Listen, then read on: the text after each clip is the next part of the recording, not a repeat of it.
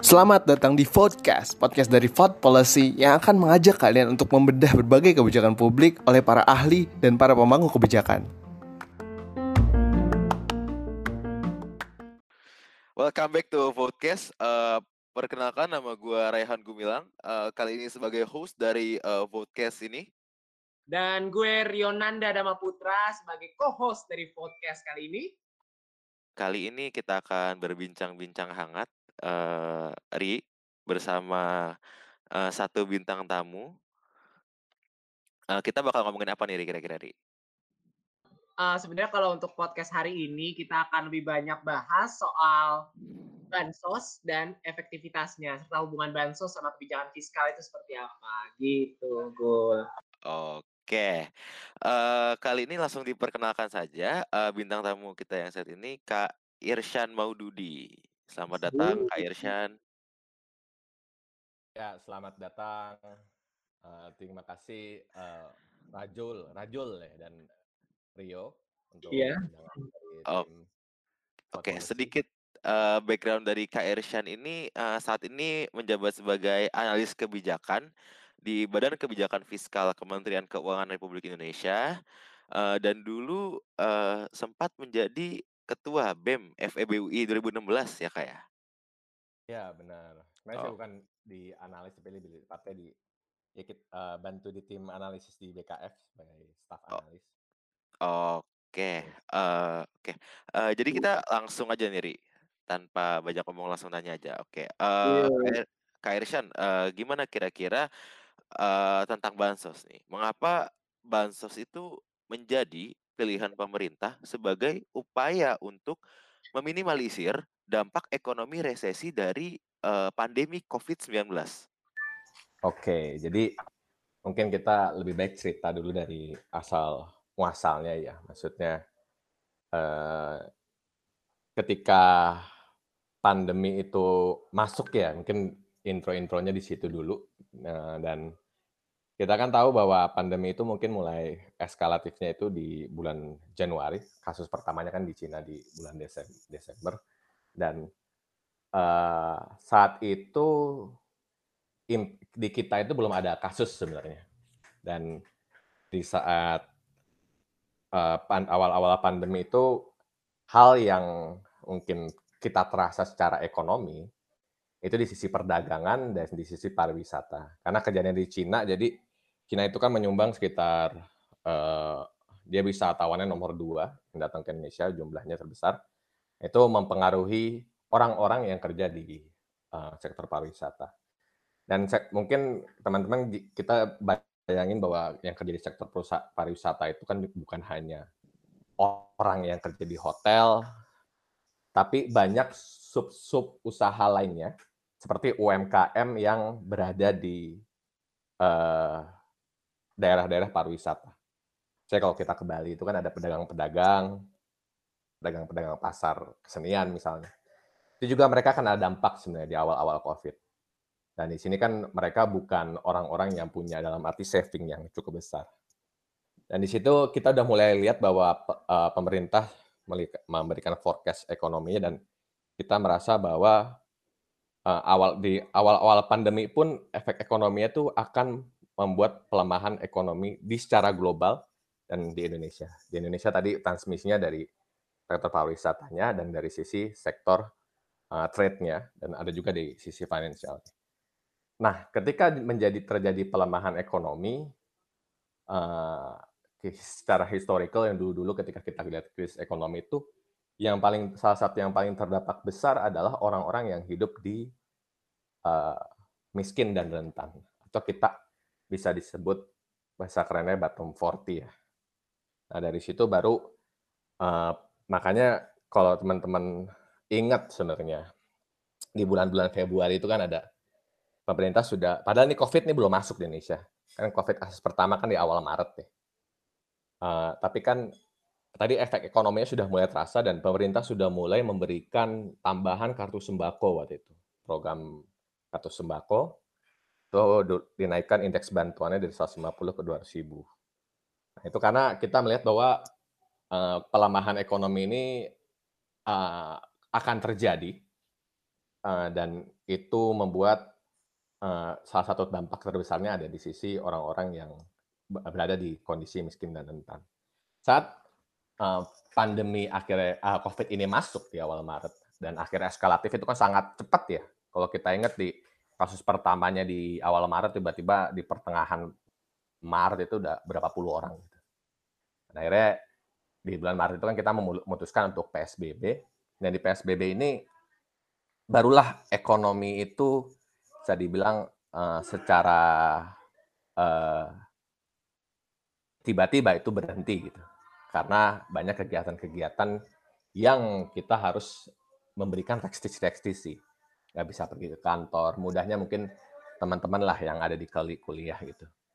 Kita akhirnya kuliah eh, PJJ pembelajaran jarak jauh. Tapi kan di ada yang terdampak dengan kondisi pembelajaran jarak jauh itu. Yaitu kondisi orang-orang yang pedagang-pedagang di Kutek yang di UI nah itu mungkin kena kena terdampak dengan mahasiswa yang tidak belajar di di kampus. Jadi kan pada pulang kampung, ada yang ke rumahnya, jadi nggak pada ngekos kan. Nah itu paling mudahnya kita melihat bahwa efeknya itu sampai ke mereka. Dan orang-orang jenis ini di segmen ini yang tadi kita sebut bottom 40 itu yang akhirnya memerlukan pertolongan pemerintah. Nah itu eh, di situlah memutuskan pemerintah kita komit bahwa penanganan pandemi itu harus dimulai pertama di sisi kesehatannya dulu.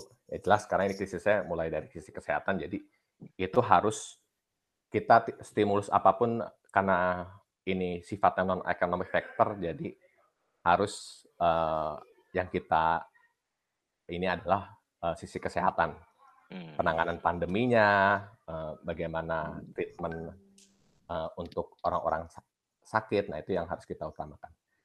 Yang kedua, di, yang perlu kita lihat lagi yang tadi, orang-orang yang ada di bottom 40 itu. Kemiskinan, hmm. orang-orang yang miskin dan rentan. Karena banyak, uh, kenapa ini menjadi penting? Karena orang-orang ini secara umum mereka hidup di informal sektor, dan karena di informal sektor itu yang uh, mereka akan cepat merasakan pandeminya. Yang kedua, banyak juga orang-orang yang awalnya bekerja mungkin sebagai buruh karena perusahaannya mengalami kontraksi keuangannya, akhirnya memutuskan layoff, jadi mereka tidak bisa bekerja. Nah, hal itu pemerintah me- harus menyiapkan bantalan, yaitu program perlindungan sosial itu sendiri. Dan terakhir yang perlu dilakukan oleh pemerintah kan dari sisi uh, usahanya, dari UMKM dan korporasi. Ya, itu aja. Mungkin kalau awal-awal kenapa sih pemerintah harus... Karena ini bagian yang uh, segmen yang kita harus menjaga uh, kita kita kan kemiskinan kita sekarang di angka sekitar 9 persenan. Gimana ini nggak nambah gitu. Dan makanya yang kita hmm. tolong itu bukan hanya orang yang paling miskin aja. Kalau kita miskin kan kita fokusnya ke 9 persen. Tapi kita fokus ke bottom 40, 40 persen terbawah. Bahkan di sekarang program-program yang seperti para kerja itu udah udah fokus ke, sekitar mungkin 60 sampai 50 eh, persen terbawah. Oke. Oke, oke. Uh, berarti Kak Irsyan, uh, uh, pemerintah ini memfokuskan, uh, juga kepada, uh, kelas-kelas menengah ya, Kak ya, berarti ya? Tidak hanya ke masyarakat miskin, tapi kelas menengah yang, uh, jumlahnya banyak dan terdampak pada iya. pandemi COVID-19 ini? Iya. Kalau kita lihat sih itu yang kita fokuskan bukan hanya orang yang, uh, miskin, tapi juga kondisi rentan, bahkan mungkin di sisi sampai ibaratnya kondisi perekonomiannya itu keluarganya nggak turun gitu. Jadi walaupun turun mungkin mereka tetap bisa membut, uh, mencukupi kebutuhan pokok. Itu yang penting kan bagaimana bisa makan. Dan uh, sebenarnya bantuan-bantuan lain pun misalnya mereka dari sisi kalau orang yang bekerja di UMKM mereka juga dapat uh, apa uh, bantuan-bantuan yang di sisi UMKM ya gitu, di sisi supply-nya. Nah itu hmm, okay. Heeh, karena rata-rata kan banyak juga orang yang mungkin di bottom 40 itu juga punya usaha yang sifatnya mikro atau ultra mikro. Nah, itu juga ada bantuan dari sisi itu. Oke. Oke, oke. Nah, terus nih, kan tadi kita udah bahas soal the vulnerable middle, terus kita udah bahas kenapa bansos harus diberikan. Nah, sekarang nih, uh, menurut Kak Irsan, bagaimana sih efektivitas bansos setelah dijalankan sejak Agustus kemarin? Dan terus gimana sih pengawasannya supaya bansos ini benar-benar bisa diterima oleh uh, semua resipien yang sudah disebut tadi, Kak? Oke. Mungkin yang paling gue jawab pertama itu yang pengawasannya dulu ya. Jadi, yeah. Iya. uh, jadi kalau kita lihat pengawa, pengawasan yang dilakukan pemerintah itu di sisi Kementerian Keuangan bahkan cukup rutin ya itu kita melakukan pengawasan seminggu sekali itu rapatnya rutin, uh, monitoring evaluasinya. Dan kita melihat bottleneck-bottleneck yang ada di program. Dan kecenderungannya program bansos ini kan secara umum mereka sudah punya basis data yang jelas. Mungkin pernah teman-teman pernah dengar namanya DTKS, data terpadu kesejahteraan sosial. Hmm, yeah. Yang yang yang pemerintah gunakan sebagai jangkar utama dari program-program yang kita berikan. Dan hmm. program bansos ini mungkin kita jelasin dulu ya yang termasuk dalam program bansos di sisi pemulihan ekonomi nasional ini apa aja atau program perlindungan sosial lebih besarnya gitu kan. Yang pertama ada PKH, kartu sembako, subsidi listrik, bansos sembako di Jabodetabek, bansos tunai atau BST di Jabodetabek, BLT dana desa dan kartu prakerja. Nanti ada juga tuh skala uh, tambahan-tambahan inovasi-inovasi lainnya. Tapi yang di awal itu dulu untuk uh, programnya. Dan kalau kita lihat bahwa ada di sini ada dua program yang eh tiga bahkan itu yang uh, penerimanya itu uh, programnya itu sudah existing dalam arti sebelum ada COVID pun sebenarnya sudah sudah ada program tersebut yaitu PKH, kartu sembako dan subsidi listrik. Prakerja sebenarnya program yang jalannya sih waktu COVID, tapi perencanaan itu sudah ada sebelumnya. Jadi itu bukan benar-benar program yang baru, tapi mungkin kalau teman-teman ingat uh, itu kan salah satu kampanye dari Presiden Jokowi dengan kartu prakerja. Tapi memang implementasi pertamanya di saat COVID. Hmm. Nah itu uh, itulah hmm, yeah. program-program yang uh, cenderung sudah existing dalam arti sudah sebelumnya ada itu efektivitas uh, dalam arti, dalam arti proses pelaksanaan cenderung lebih lancar. Kenapa lebih lancar? Karena targetingnya sebelumnya sudah ada, orang-orang ini sudah sudah ada. Jadi yang dirubah itu lebih ke me mekanisme pembayarannya, indeks bantuan ya, kita tambah.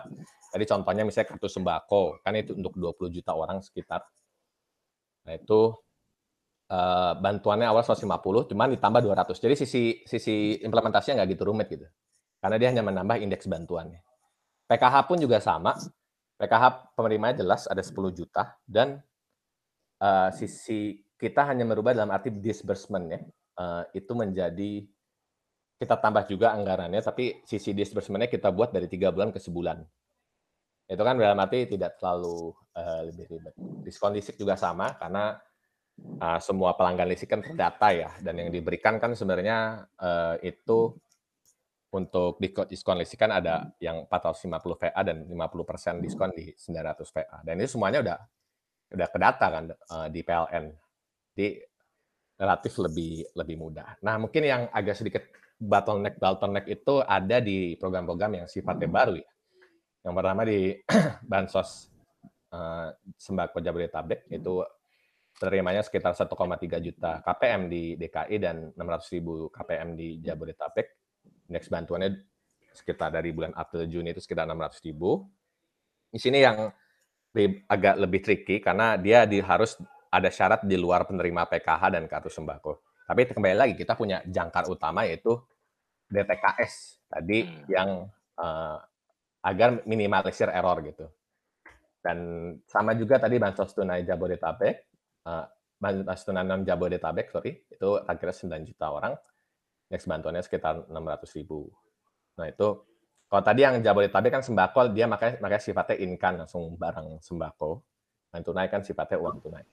Nah di BLTDD ini yang cukup struggle juga BLT bantuan langsung tunai dana desa karena ini kan menggunakan dana desa yang ada di di masing-masing daerah eh di masing-masing desa jadi mereka bisa menggunakan dana desa itu dan itu syaratnya lebih jauh lagi harus di luar penerima PKH kartu sembako bansos sembako ada bansos tunai bahkan uh, di prakerja itu yang uh, cukup cukup bottlenecknya jadi target penerimanya juga uh, kadang agak agak direvisi target penerimanya itu awalnya 11 juta, tapi karena mungkin penyaringan-penyaringannya banyak tadi. Jadi forecast terakhir tuh mungkin sekitar tujuh setengah sampai 8 juta itu yang uh, uh, apa penerima di sisi BLT dan desa. Oh, Oke. Oke, iya iya. Uh, tapi uh, Kak Irsyan dari tadi uh, yang sudah kakak jelaskan itu kan uh, kira-kira dari segi jenis bansos yang diberikan oleh uh, pemerintah itu lebih efektif uh, jenis yang uh, tipe sembako kah apa tipe bantuan langsung tunai yang kira-kira benar-benar tepat sasaran gitu kak? Kalau tepat sasaran sebenarnya sih lebih ke masalah targeting ya, masalah data. Jadi uh, itu kan berbeda ketika kita ngomongin tadi dalam arti uh, targeting dengan bentuk bantuannya gitu. Jadi kalau kalau ketepat sasaran itu lebih targeting ya tadi kalau apakah dari DTKS, bagaimana apakah dia di luar PKH, uh, sembako, jadi ada ada semacam rule of thumb-nya. Tapi kalau bisa dibilang memang secara ini kita bisa lihat dari dua sisi ada plus minusnya ya.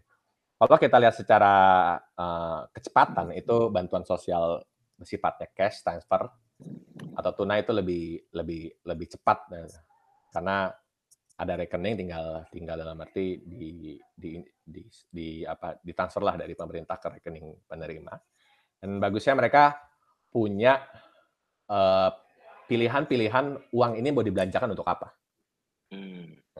Jadi kan, yeah, yeah, yeah. Nah, karena yang tahu kebutuhannya beda-beda kan. Misalnya kayak, oh jangan-jangan orang-orang ini butuhnya ini gitu loh. Enggak, enggak buat sisi misalnya, oh anak saya mau butuh kuota nih, bukan butuh uh, buat belajar gitu.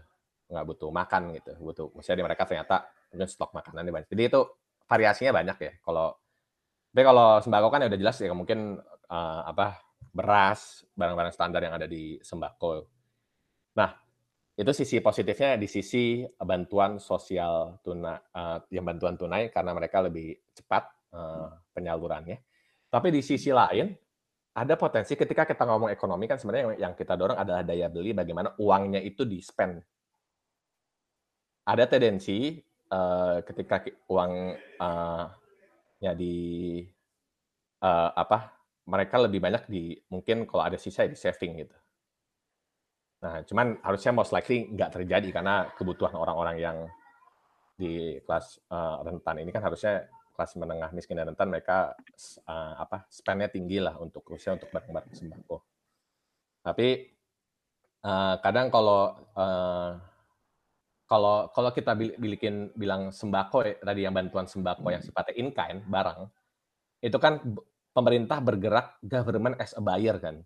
Hmm, yeah. Yeah di sini sisi positifnya adalah memutar roda ekonominya itu jadi jadi lebih Oh, I see. Lebih, lebih oh ya multiplier lebih ya. Nah, karena makanya kita kita bicara kalau ke bicara ke efektivitas orangnya si si penerimanya itu bisa lebih cepat dengan bantuan tunai gitu. Oh, pengirimannya cepat. Tapi kalau multiplier di sisi mungkin kalau kita tadi penyediaan penyediaan berasnya itu jadi kita bisa berarti menghidupkan penyedia penyalur-penyalur, misalnya penyalur beras itu yang uh, akhirnya kita hidupkan.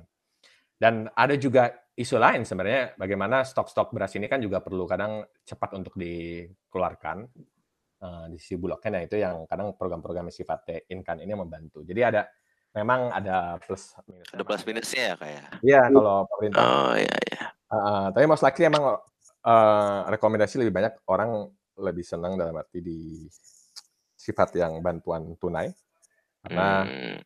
tadi mereka lebih cepat dan orang akan lebih punya yeah. pilihan itu yang mm. nah, tapi itu tadi kan plus minusnya. Oke, okay, Berarti memang ditujukan untuk uh, uang tunai itu ditujukan untuk pembelian yang konsumtif dari masyarakat gitu ya, kayak. Ya? Iya. Oke. Okay.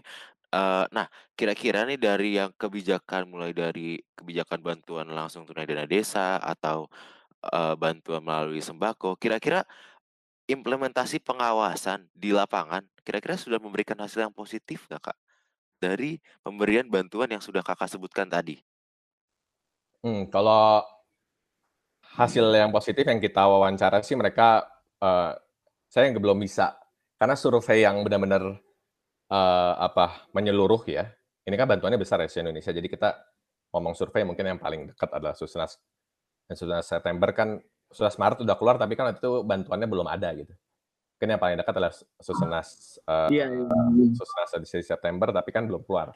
Ya kalau masalah efektivitas, kita biasa tahu ketika ada survei-survei kemiskinan atau rilis angka kemiskinan, di mana itu Susenasnya keluar, kita baru bisa mengkalkulasi sebenarnya efektivitas programnya secara real dan se-Indonesia itu bagus atau enggak. Tapi kita juga melakukan di uh, pemerintah kan juga melakukan survei-survei yang sifatnya pelaksanaan. Kita melihat bahwa banyak yang memang saya pernah waktu itu wawancara deep in-depth interview ya dengan salah satu lurah di Bogor untuk uh, survei kalau nggak salah bantuan sosial tunai uh, yang non uh, Jabodetabek ya kalau nggak salah. Oh, bansos Jabodetabek ya kayak. Ya, saya lupa tahu itu uh, programnya yang mana, tapi waktu itu wawancara uh, salah satu lurah, kemudian kan kalau di administratifnya lurah ikut dalam penyaluran dan mereka bilang bahwa banyak sekali juga masyarakat-masyarakat yang dalam arti membutuhkan gitu. Bahkan masih masih kurang karena untungnya tapi kan bantuan itu ada yang berlapis ya seperti waktu itu contohnya di Kabupaten Kota Bogor ya, itu dari kotanya dapat dari provinsi juga dapat. Jadi tapi dan akhirnya si lurah memberikan mendisbursement untuk tidak orang yang sama. Jadi oh, okay. itu yang itu yang uh, dan dia udah menghitung-hitung itu pun masih masih masih masih kurang. Nah itu yang sebenarnya yeah, uh, yeah. banyak ban, uh, apa namanya untuk kebutuhannya saya kira uh, demand-nya lagi tinggi dari sisi masyarakat untuk program bansos ini. Makanya jalur-jalurnya pemerintah bukan hanya yang sifatnya ETKS yang sudah terdata, tapi kita kita ada program yang namanya kayak prakerja itu kan sifatnya on demand application. Iya. Yeah. Butuh dia daftar gitu. Hmm, iya, iya, iya. Kalau kalian misalnya atau siapa teman kalian, oh, aduh, aduh, saya terdampak pandemi nih gitu. Uh, dan sekali, tapi kalian nggak ada di list DTKS kan bisa aja kalian daftar prakerja dan daftar uh, mendapatkan bantuan. Itu jadi ada ada solusi-solusi lainnya ketika kita tidak tidak tidak menerima bantuan gitu sebenarnya.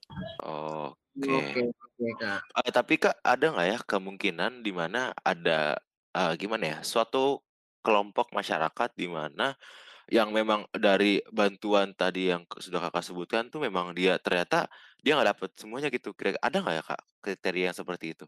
Atau mungkin harus masyarakat pasti dapat di antara salah satu bantuan itu? Nah itu kalau kita, nah ini masalah uh, data juga ya uh, hmm. di, di di DTKS itu sendiri gitu. Tapi memang kita ini kan benar-benar namanya DTKS itu kan referen, bisa dibilang referensi atau acuan utama. Uh, database-nya pun besar, tapi mungkin updating updating itu kan banyaknya dia di kondisi yang sebelum covid gitu. Nah jadi tentu di sini mungkin banyak orang yang mis, istilahnya misbar atau miskin baru ya. misbar ya, ya, ya. Nah, jadi yang mungkin desil 6, 5 tiba-tiba terjun ke desil 2. Hmm. Iya, iya, iya. Ada aja itu kayak misalnya sering dengar cerita kayak gitu. Dia di layoff atau apa jadi savingnya tiba-tiba nggak cukup juga atau dipotong gaji ya dipotong gaji tapi satu sisi dia punya kredit rumah kredit motor. Nah, iya. iya. Saya kira sih memang program ini nggak sempurna ya. Jadi uh, masih jauh dari kata uh, sempurna sebenarnya. Tapi kita harus apresiasi dan bersyukur bahwa pemerintah sudah mengembangkan database ini sejak dulu bahkan sebelum tahun 2010 namanya BDT dulu uh, uh, itu yang kita bersyukur bahwa uh, dulu saya pernah waktu itu ikut workshop ya social protection itu di Filipina dan saya belajar bahwa tidak banyak ternyata negara untuk usaha berkembang atau yang di emerging countries itu yang punya database itu dia cukup apresiatif Indonesia oh, sebenarnya punya, yeah, yeah, punya yeah. data yang cukup solid gitu. Walaupun memang ini juga database ini tidak mungkin tidak tidak sempurna 100%. Tapi setidaknya ini sebenarnya lesson learn lah. Di COVID ini kan sebenarnya uh, swiftness dari kebijakan publik kecepatan dari kejiwaan publik itu kan sangat bergantung terhadap datanya kan. Hmm, iya iya. iya. Syukur di Perlinsos ini itu datanya sudah relatif lebih mature dibanding uh, cluster program lain yang ada di PEN. Dan realisasinya pun juga lebih lebih cepat gitu. Misalnya lebih dalam arti lebih karena kita optimis mendekati 100% lah uh, realisasi yang ada. Bahkan per per hari ini aja sudah sudah uh, angkanya itu sudah sekitar 69 persen, 70 per, hampir 70 persen gitu yang ada. Di oh, wow, wow. Jadi kita optimis mendekati Desember ini bisa ke angka mendekati mungkin 100 persen. Oke. Oke, oke. Nah, kalau tadi kan kita udah ngebahas nih tentang apa yang sudah dilakukan kan, apa yang udah terjadi nih sampai sekarang.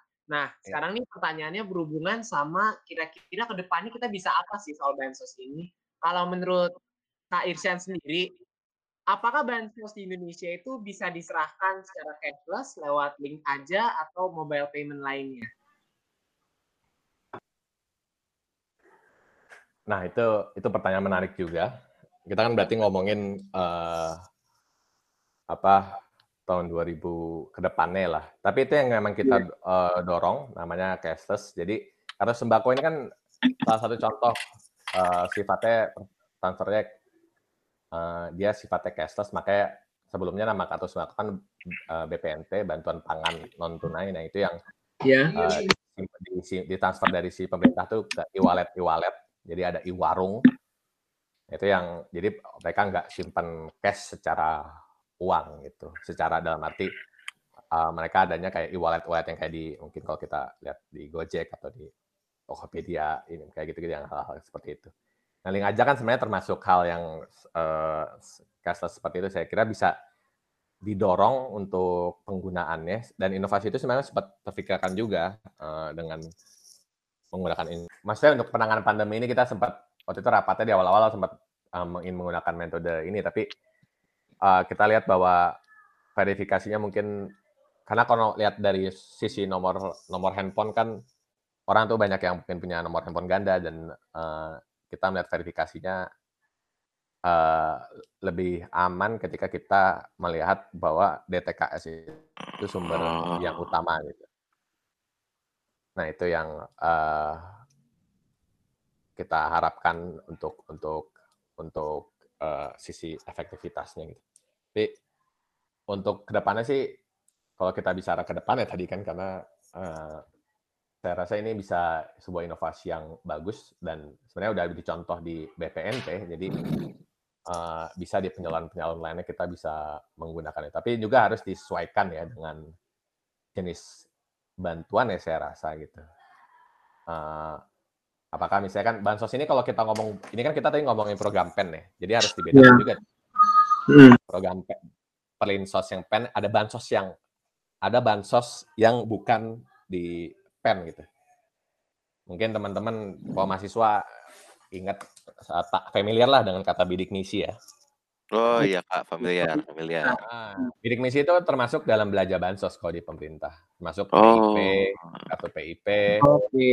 Hmm. PBB JKN itu juga bansos gitu. Jadi dan penyalurannya kan eh, beda-beda gitu. Kalau misalnya PBI JKN kan dia langsung sifatnya eh, subsidi eh, apa namanya iuran ke BPJS.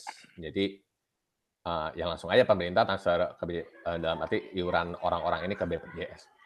Nggak perlu lagi uang asal si orang itu udah punya kartu kartu apa Indonesia Sehat dan termasuk menerima PBI JKN. Jadi memang uh, perlu disesuaikan juga dengan bantuan-bantuannya. Apakah nanti misalnya bidik misi lebih enak sifatnya di uh, di tracking aja. Nah, itu uh, saya kira mungkin kalau sifat-sifatnya kayak program seperti PKH atau kartu sembako itu mungkin aja ditransfer cara lewat kayak instrumen seperti lang aja tapi uh, kita harus lihat kayak program PIP, program bidik misi, PBJKN itu apa tepat gitu diberikan. Bahkan pemerintah juga punya program misalnya ASLUT ada asistensi usia lanjut ke orang-orang tua dikasih sebuah cash. Nah itu kan apakah orang tua main handphone gitu kan jarang juga yang mungkin dua umur. Makanya itu saya kira kalau kita ngomongin bansos harus lebih detail kita ngomongin program-programnya apa aja. dan segmennya ini buat siapa aja gitu. Itu sih yang uh, jawaban dari saya untuk penggunaan itu. Oke, oke, oke.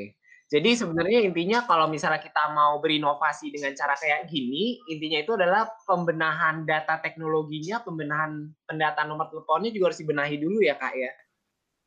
Iya gitu. Yang lebih tepatnya kan kadang kita mungkin banyak orang yang kadang daftar nomor telepon pakai akun siapa gitu kan.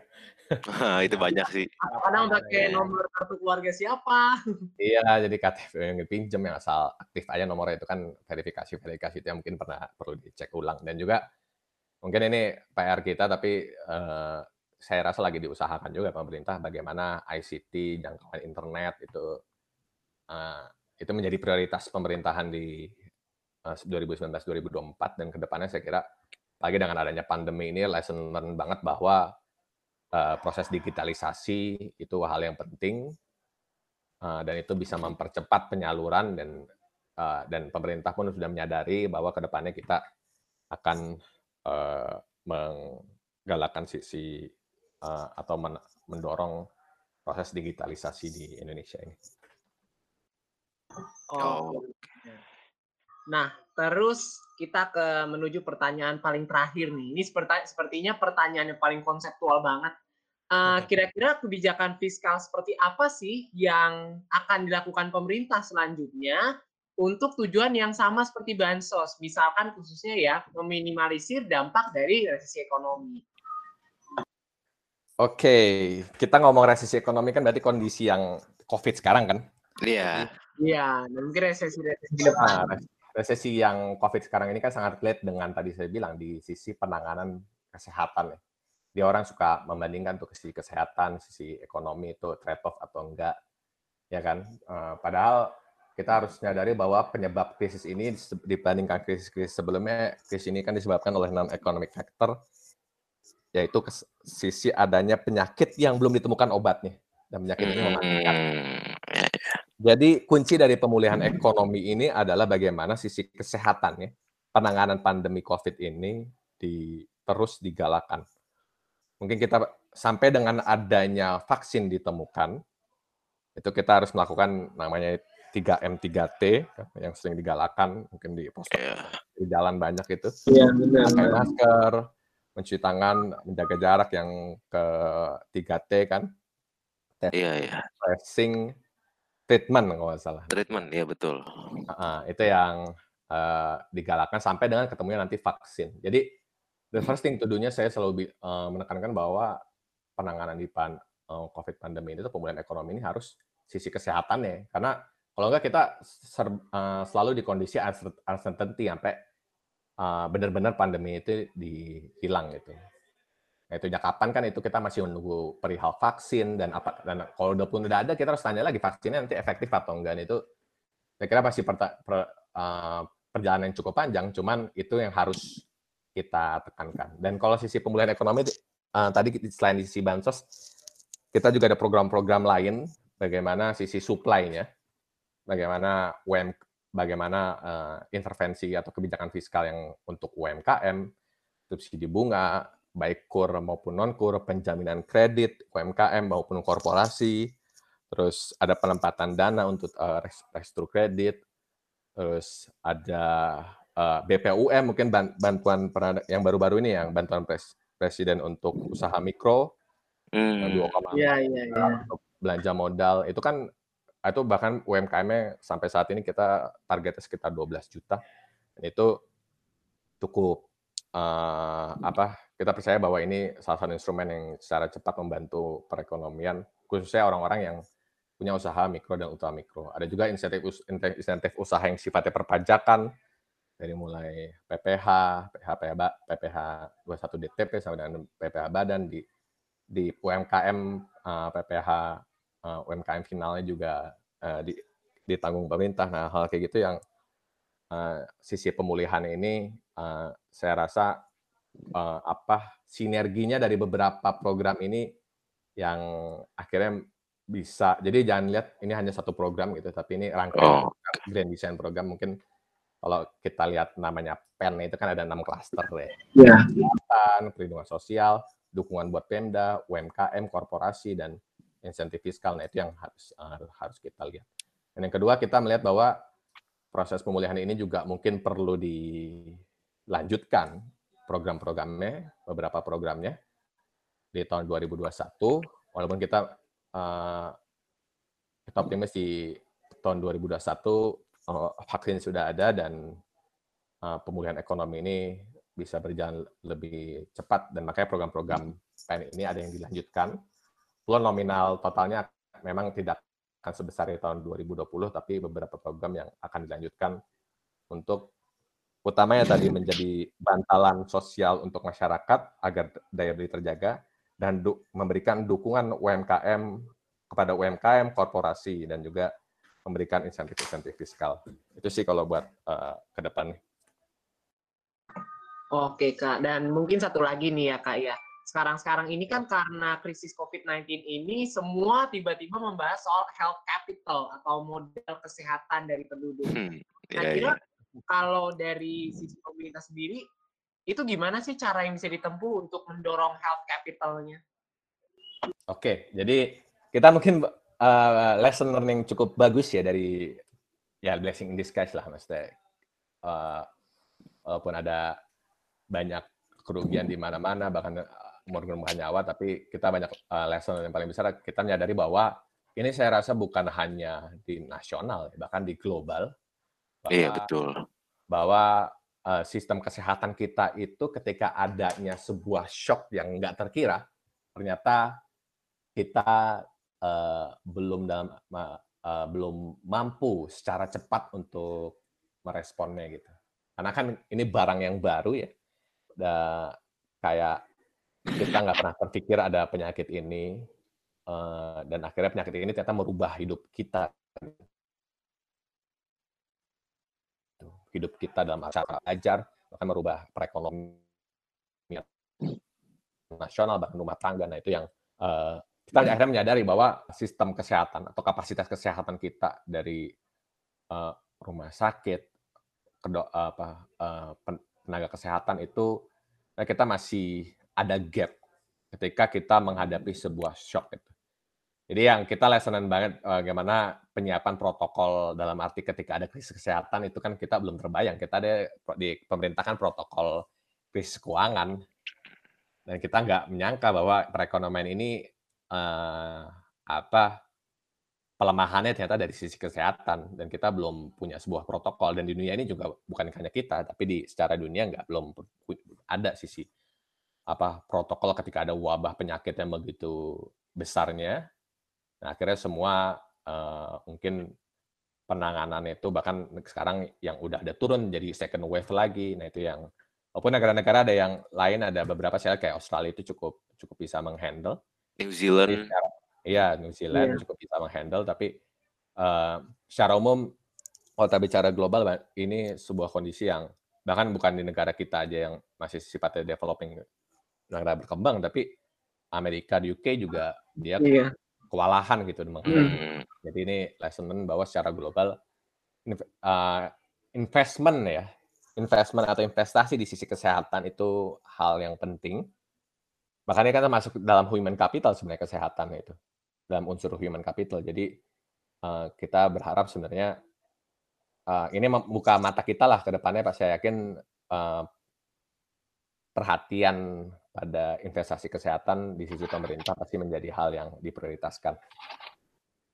Oke, uh, terima kasih Kak Irsyan hmm. atas waktu dan ilmunya nih kepada uh, halayak luas. Semoga bisa uh, mencerahkan ya. Jadi kita semakin ngerti iya, bahwa ya, Uh, bagaimana strategi dari pemerintah dalam segi makro untuk uh, menangani uh, pandemi COVID ini. Uh, terima kasih banyak Kak Irsyan atas waktunya. Uh, bagi para pendengar jangan lupa di like dan follow sosial media kita yang tertera di caption. Kasih tahu Ri. Iya, jadi di caption kita itu sudah ada akun Twitter dan juga Instagram kita ya. Jadi akun Twitter kita itu ada di @votepolicy.org dan akun Instagram kita adalah vote.policy. Jangan lupa untuk di follow, di like, dan di share. Oke.